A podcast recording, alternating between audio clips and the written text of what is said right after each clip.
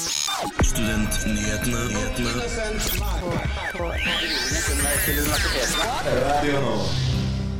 Sykepleierstudenter ved OsloMet får ikke godkjent fravær for å ta koronavaksinen. Norske studenter i utlandet ble denne uken bedt om å holde seg der de er i påsken. Vi snakker med noen av dem for å høre hva de synes om dette. Hvor tilgjengelig er tamponger og bind på studiestedet i Oslo? How to unwind når man er hjemme hele tiden.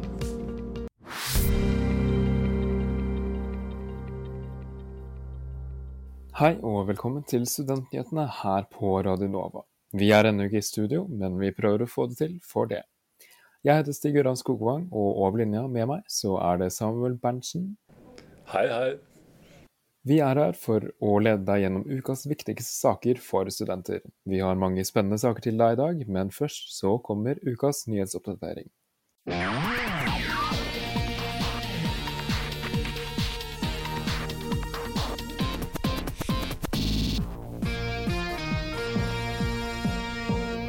Oslo OsloMet skal redusere arealene sine med opptil 25% de kommende årene. Det melder Kronen. Og det tilsvarer mellom 17 og 43 000 kvadratmeter. De har bedt alle fakultetene og sentre å komme opp med kuttforslag. Grunnen til kuttet er at de rett og slett eh, ikke trenger arealet, sier rektor Kurt Riise i en nyhetssak på de ansattes side ved Oslo. Nå gir vi utdanningsinstitusjoner og studentsamskipnadene 200 millioner kroner til å lønne studenter som skal ha faglige og sosiale studentjobber, sier forsknings- og høyere utdanningsminister Henrik Asheim. Høgskolen Kristiania og flere utdanningsinstitusjoner starter å lyse ut stillingene til studentjobbene allerede neste uke. Både UiO, OsloMet og Høgskolen Kristiania og SIO skal gi en timelønn på mellom 170 og 180 kroner. Det melder utdanningsinstitusjonene selv. Det var ukas nyhetsoppdatering, og mitt navn er Samuel Berntsen.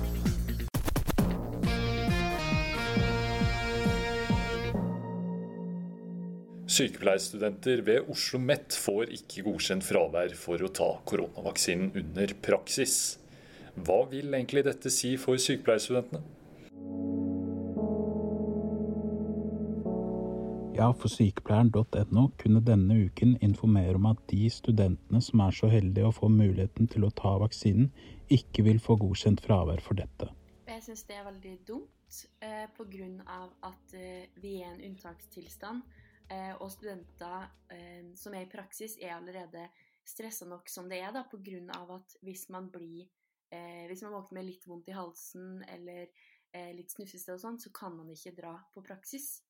Eh, og da får man jo fravær Eller da er man jo i risikoen for å få mer fravær eh, pga. korona da, i utgangspunktet.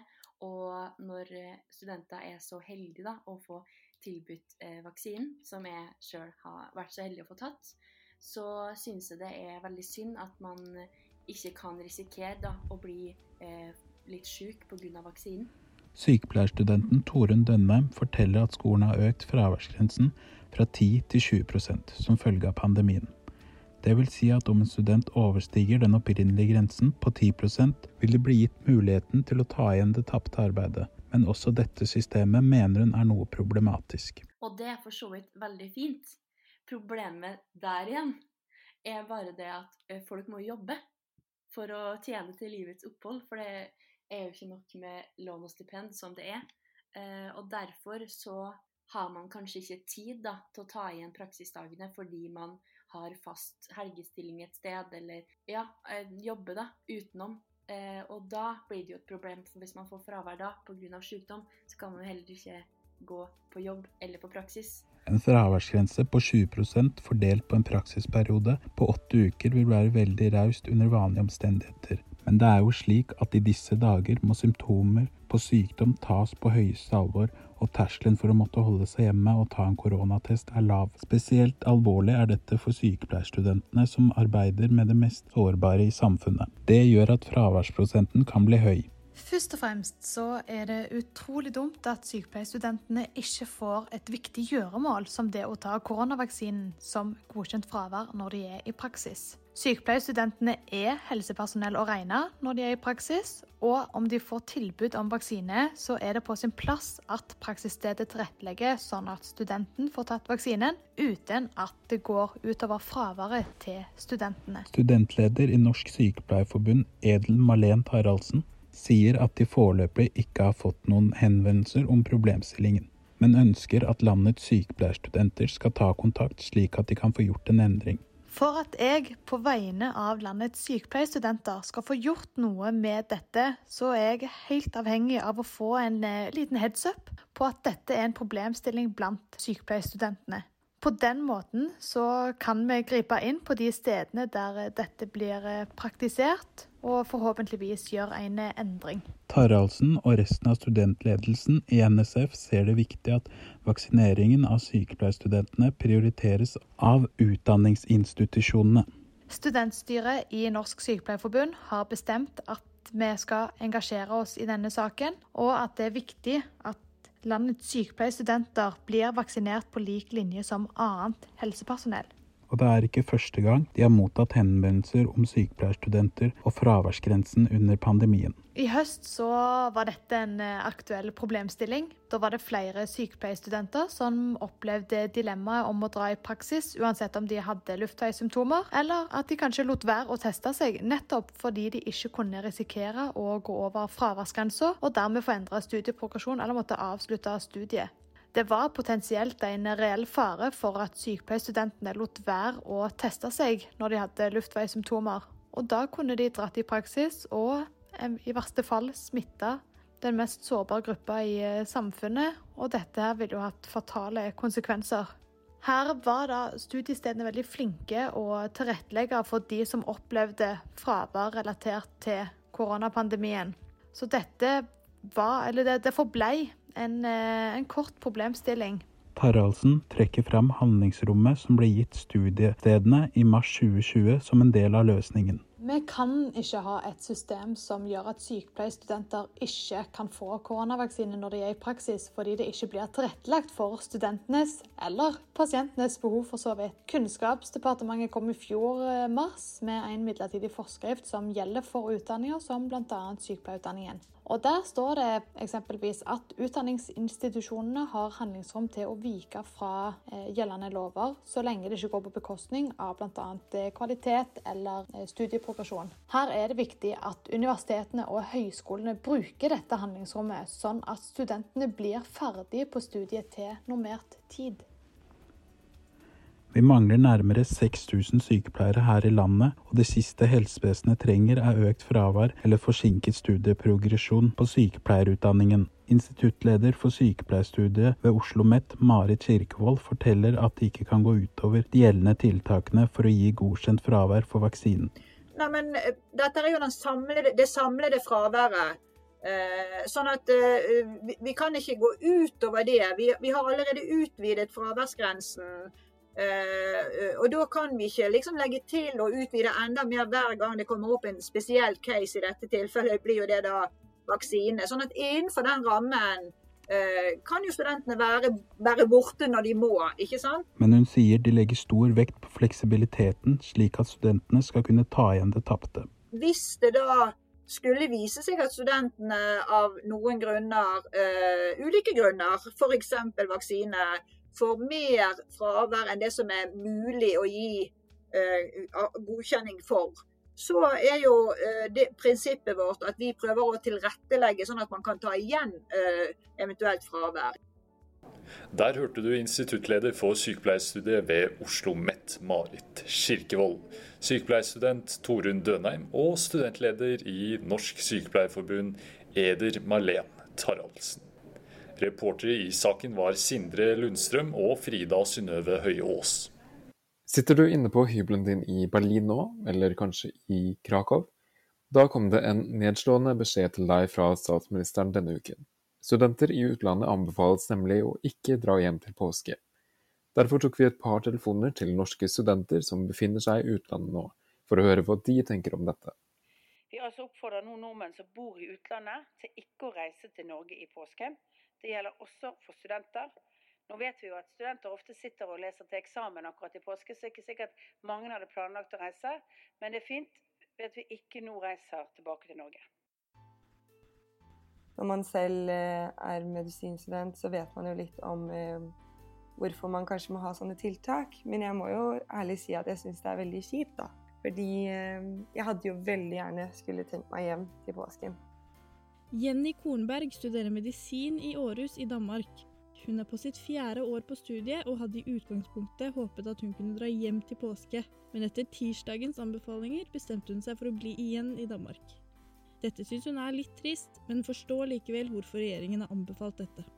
Jeg eh, skjønner jo hvorfor de anbefaler eh, at vi ikke skal dra hjem. Men jeg syns eh, helt ærlig må jeg ærlig si at jeg syns det er litt kjipt, da. Eh, men jeg kan på en måte forstå det òg. Altså at man ikke skal eh, reise over landegrenser og risikere mer smitte. Men eh, det er jo litt kjipt. Ja, for hvordan gikk det utover dine planer? Altså, jeg hadde jo tenkt å dra hjem i påsken, men eh, nå når de har sagt det, så syns jeg at det er vanskelig å forsvare det. Også fordi at eh, at jeg er medisinstudent, så føler jeg litt ekstra på det, kanskje. Men eh, ja, nei, jeg har heldigvis ikke bestilt noen flybilletter, da, for jeg har jo skjønt at det har vært veldig mye fram og tilbake med regler, og plutselig en dag så sier de noe nytt. Eh, så heldigvis er det ikke noen billetter eller noen penger som går tapt sånn sett. Men familien min hadde jo veldig håpet at jeg skulle komme hjem da. Ja, for når var det du var i Norge sist? Det var eh, i jula. Heldigvis så kom jeg meg hjem da. Og da gjorde de jo også om noen regler, så vi kunne dra hjem uten å komme på karantenehotell. Jeg var veldig glad for det. Men eh, jeg dro tilbake hit igjen 4. januar. Så nå blir jeg jo værende ja, i hvert fall til sommeren, da. Det går jo fint, og jeg bor jo med noen veldig søte roomies og har jo et nettverk her. Men eh, det er jo litt rart å føle sånn eh, at man ikke kan dra hjem. Og jeg tror man føler ekstra mye på det når man faktisk ikke får lov til å dra hjem. selv om hun selv velger å bli i Århus, har hun likevel forståelse for at enkelte kan ha sine grunner for å trosse denne anbefalingen.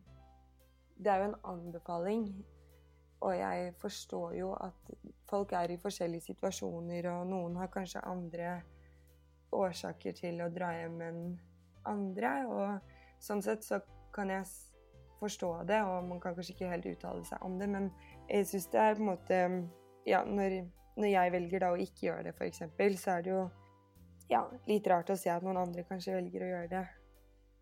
Men eh, sånn er det jo det. Man vet jo aldri. Nora Berntsen studerer medier og kommunikasjon på UiO, og dette semesteret er hun på utveksling i Paris. Hun støtter regjeringens strenge tiltak og anbefalinger for innreise under pandemien. Jeg tenker jo at eh, de fleste sånne reiseforbud altså Det burde jo være strenge reiseforbud når det er eh, korona. Selvfølgelig er det jo kjipt for de som kanskje hadde planlagt å dra hjem til påsken. Det er kanskje mer et alternativ for de som bor i utlandet over lengre tid, ikke bare for ett semester. For, meg, for meg så har jeg liksom ikke tenkt at jeg skulle hjem i det hele tatt. Eh, jeg vil heller bare nyte tiden, den lille tiden jeg har her når jeg først er her. Eh, Egentlig så ble jeg veldig glad for at uh, regjeringen ikke sa at alle måtte hjem, for det skjedde jo i fjor med lockdown og sånn, at, uh, at uh, norske studenter i utlandet måtte hjem. Så egentlig så er jeg bare takknemlig for at jeg får bli her, jeg. Det går helt fint. Hun mener at studenter bør følge denne anbefalingen så langt det lar seg gjøre. Jeg syns jo selvfølgelig ikke at man skal trosse anbefalingene. De er jo der pga. noe, liksom. De er jo satt, satt i verk pga. at de trengs. Men samtidig så skal ikke jeg dømme folk så lenge de i hvert fall tester seg og forholder seg til karanteneregler og alt mulig sånn. Så er jo det sikkert lovlig, men bare ikke anbefalt. Og da må man jo gjøre det hvis man føler et behov for det. For egen del så føler jeg at um, det er unødvendig å reise i det hele tatt. Jeg er glad for at jeg fikk reise ned hit og at det ble sett på som nødvendig reise, at jeg kunne studere i utlandet. Og da ville ikke jeg på en måte teste det noe mer. Jeg trenger ikke å eh, reise hjem da for å, bare for å besøke hjemme. Det, det, måtte vært en viktig grunn for meg å dra hjem hvis jeg skulle gjort det. Jeg ser ikke helt poenget i å reise hjem, på en måte. Eh, hvordan er det å studere eller å være på utveksling i utlandet nå? Det er uh, veldig spesielt. Det er litt ekstra vanskelig å få venner og sånn pga. alt er stengt og det er liksom ikke så mye å gjøre sammen. Og vi har også portforbud i Frankrike fra klokka seks til klokka seks. Så det er ikke altså den typiske tingen man vil gjort når man møter nye folk og sånn, det er jo ofte å dra ut på byen og at man, man henger sammen på kvelden og sånn, og det er liksom ikke en mulighet her, da. Så det er jo veldig rart. Man får jo ikke opplevd landet og byen på en sånn måte som man kanskje gjerne skulle ønske. Men så har jeg jo vært i Paris før, så det er jo ikke så krise. Og så har jeg heldigvis en skole og en klasse som er veldig hyggelige, og som prøver å legge opp til ting man kan gjøre som er smittevennlig. Da. Så ikke optimalt på noen måte, veldig spesielt, men glad for at jeg får gjøre det uansett. Jeg har virkelig ikke angra på at jeg har dratt ned hit. Altså. I innslaget hørte du statsminister Erna Solberg fra regjeringens pressekonferanse på tirsdag, og låta den heter 'Monzoni' av Di Yan Key. Takk til Nora Berntsen og Jenny Kornberg som stilte til intervju. Reporter i saken det var Lea Bråten og Mari Ranheim. Har dere Senterpartiet glemt studentene når dere skrev deres valgprogram for Oslo? Altså, mulig, men Studentnyhetene. Vi er nyhetsprogrammet av og med studenter. Hver fredag fra 11 til 12 på Radio Nova. Har du noen gang sittet på lesesalen på campus og kjent at tante Rød kom på et uanmeldt besøk? Mange kvinnelige studenter har opplevd at det er vanskelig å få tak i produktene man trenger i umiddelbar nærhet. Vi tok en prat med sosiologistudenten på Blindern, Maria Aspen Neland, som hadde noen tanker om denne saken.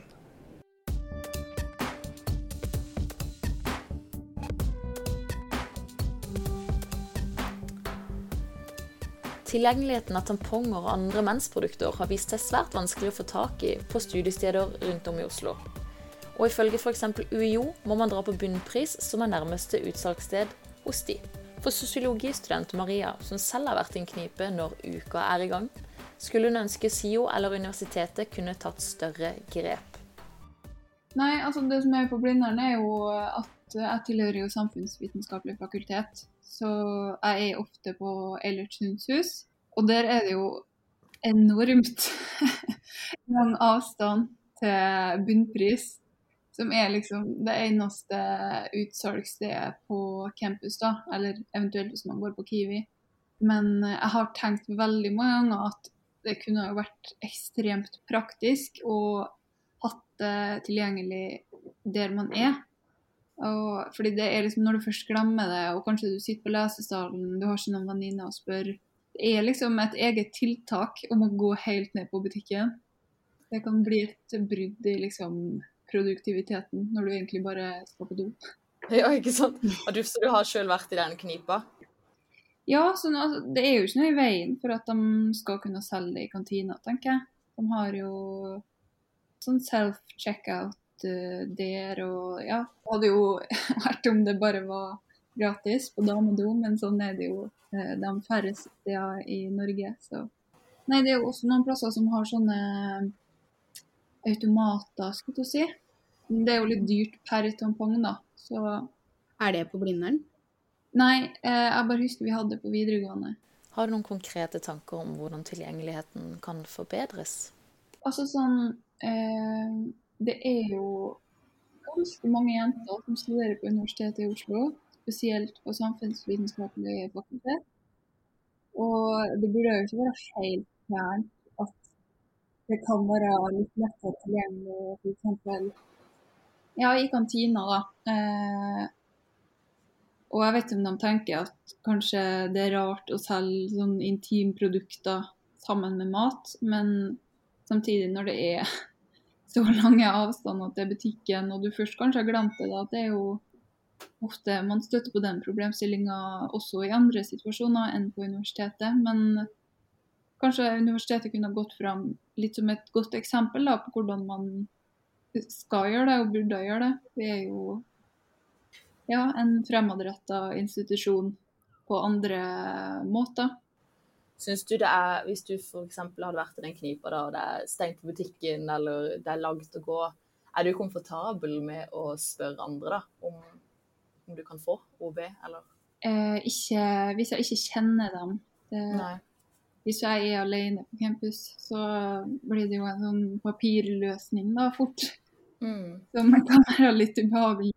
å hjemover og Men har du opplevd noen gang at noen du ikke kjenner har kommet bort til deg og spurt om tampong, da, f.eks.? Uh, Nei, jeg har egentlig ikke det, altså. Nei. Tror du det er fordi folk er ja, redde, da? At det blir litt sånn tabu, nesten? Vi er jo nordmenn, skulle jeg til å si. Så det er kanskje lite intuitivt å spørre andre om ting generelt, og da blir kanskje liksom intimprodukter og sånne ting litt ekstra ja, eh, en ekstra kneik. Men jeg tror hvis noen hadde spurt meg, så hadde jeg ikke reagert negativt heller. på meg. Mm. Det er jo en problemstilling mann som jente må forholde seg til. SIO svarte på telefon at de ikke helt vet hvor man har mensprodukter tilgjengelig på campuser rundt om i Oslo, da mye også er stengt pga. korona. Og UiO Campus Blindern har ingen utsalgssteder annet enn butikkene i nærområdet, og svarer på telefon at f.eks. det ikke finnes noen automater med produktene tilgjengelig på campus. Og Maria mener akkurat disse automatene kunne vært et godt tiltak nå som også mange av kafeene og kantinene er stengt. Ja, for det er jo SIO som har kantiner. Det er jo dem som eh, tjener skulle jeg si, på at vi ikke pakker med oss matpakke på campus. Eller. Så det er jo naturlig at det er dem som skulle ha tatt ansvar for det, syns jeg. Kanskje. Men universitetet kan jo samtidig vise at eh, de tenker at det var et godt forslag, så kan jo de også fremme det for SIO, da. Men eh, jeg vet ikke, SIO er jo veldig opp og nikke på andre ting når det kommer til studenter, så hvorfor ikke det, tenker jeg.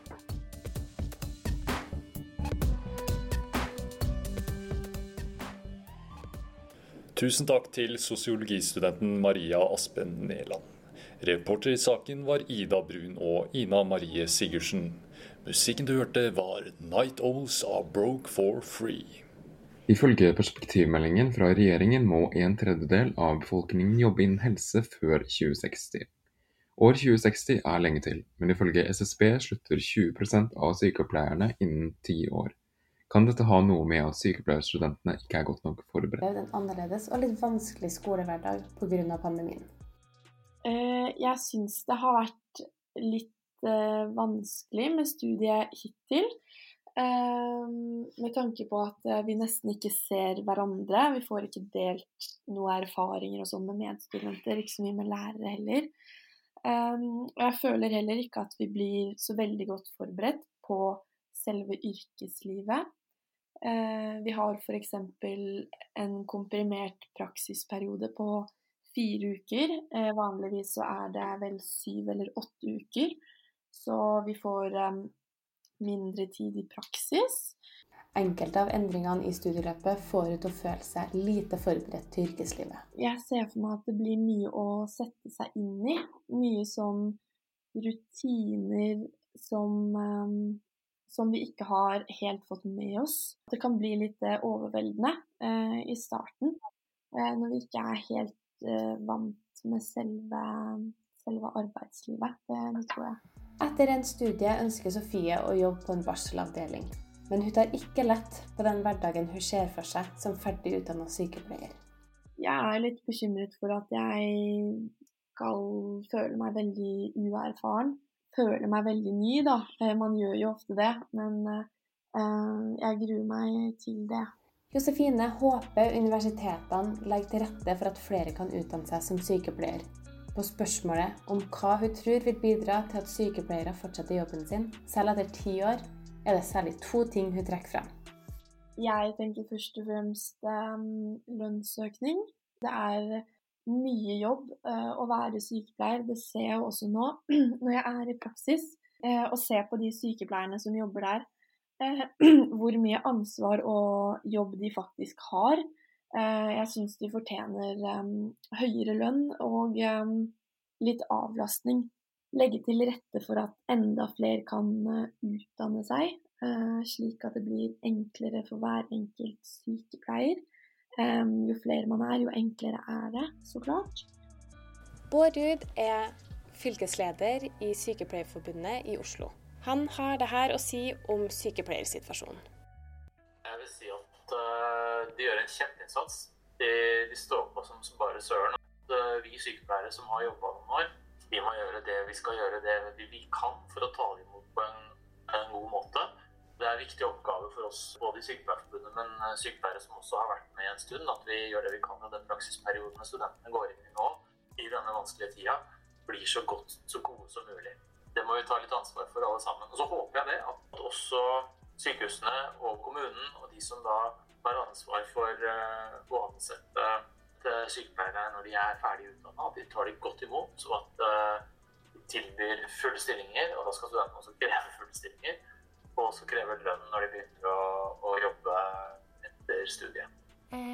avslutningsvis, er det noe annet du vil tilføye? Skal vi se Den pandemien som vi står i nå, den har vist oss med all tydelighet at sykepleiere trengs. Sykepleiere trengs i det norske samfunnet. Og det er jo liksom fint å vite da, for eh, studentene og de som er nyutdanna også. Det er stort behov for dere lønna må være så god at det er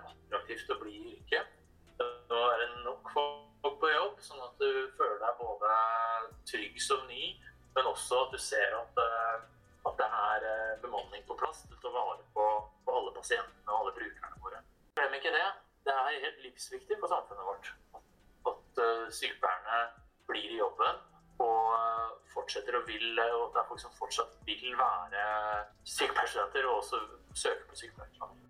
Takk til Bård Eirik Ruud og Josefine Sørum for intervjuet. Reportere i saken det var Maren Mjelstad og Samuel Berntsen.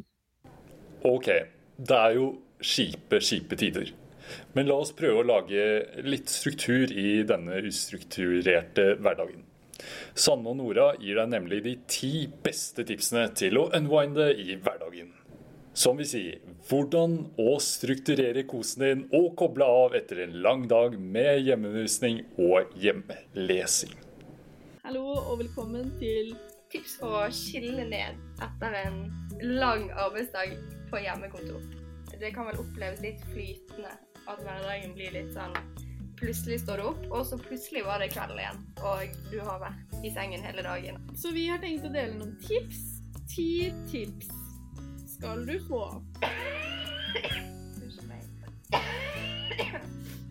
Disse tipsene funker til og med når man er forkjølet og i hvert fall ikke kan forlate huset. Ti tips for å unwind nå i disse corona times. Tror du dette blir bra? Tips nummer én. Sanne, vil du ta den? Ja. Tips nummer én som jeg bruker hver eneste dag, og som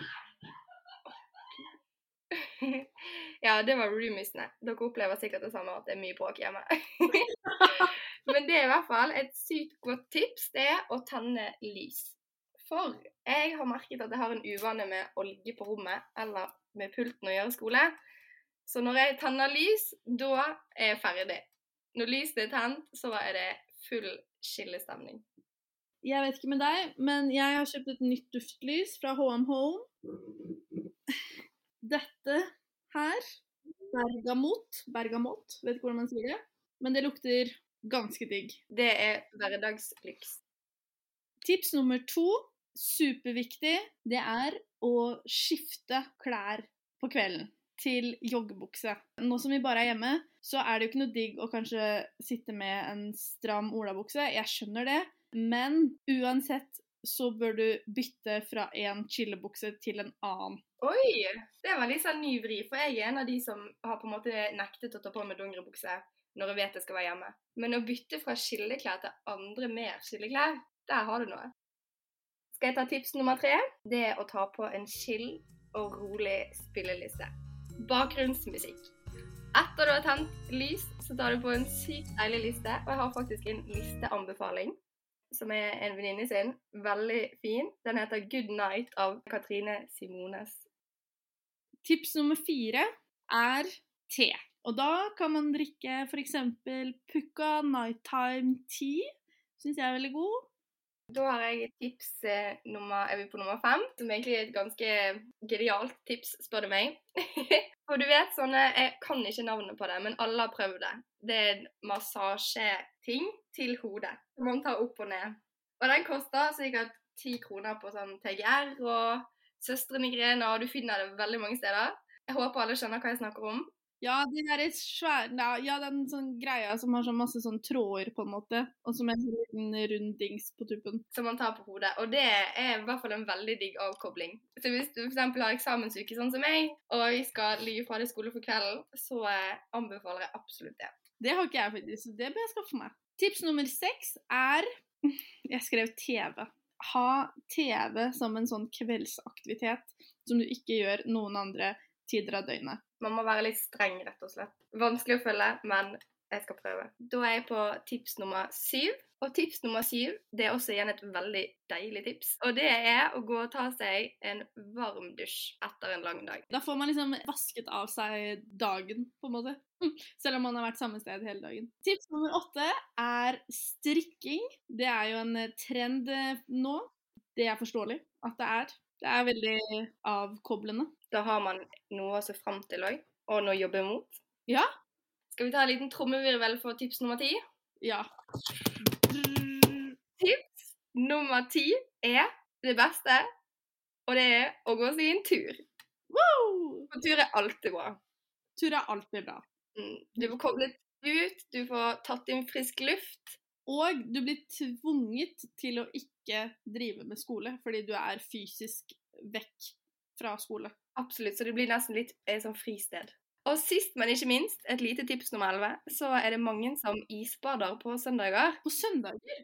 Det er visst en greie dere har nettopp lært. Så på Tjuvholmen på søndager klokken ett, kom og isbad, og så ser du mange andre som eh, sikkert har det helt jævlig. Men det er en kul utfordring. Så der har du det. 10 slash 11 tips til å unwind, eller koble av, som man også kan si. Takk for oss! God unwinding. God unwinding.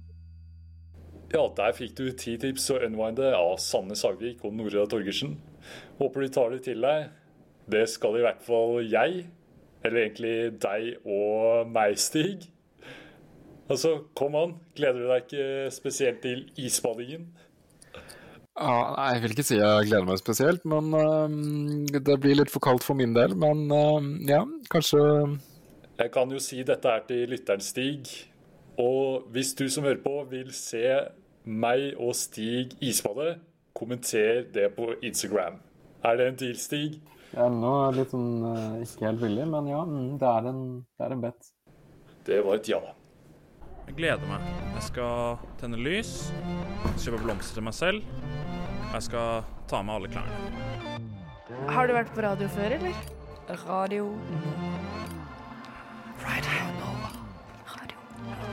Radio Nova. Vi er nyhetsprogrammet.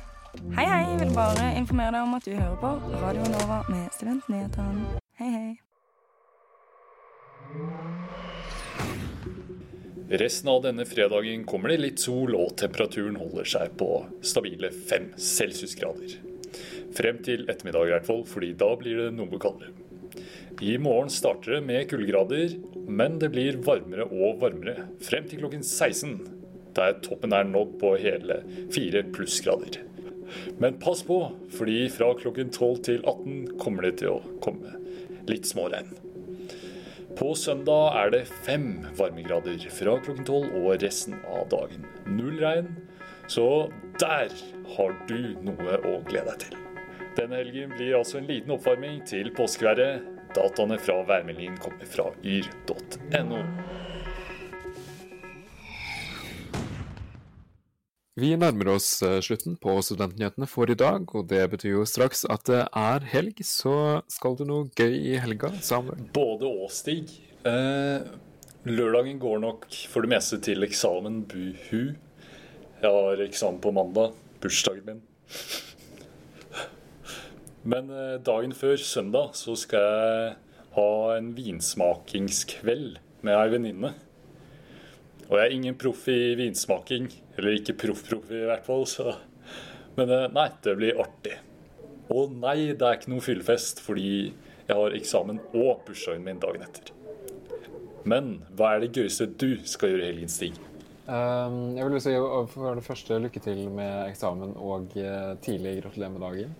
Um, thank you, thank you. Yes. Uh, jeg skal uh, Den ene dagen skal jeg jobbe, um, og så tenker jeg også at jeg skal ha en vinkveld. Det er i morgen. Så tusen takk for at du hørte på Studentnyhetene her i dag. Hør oss igjen som podkast, og følg oss gjerne på sosiale medier. Der heter vi Studentnyhetene. Mitt navn det er Stig Gøran Skogvang, og med meg i studio i dag så har jeg hatt med meg Samuel Berntsen. Ha det bra, og god helg. Du har hørt en podkast fra Radio Nova. Likte du det du hørte? Du finner flere podkaster i iTunes og på våre hjemmesider radionova.no.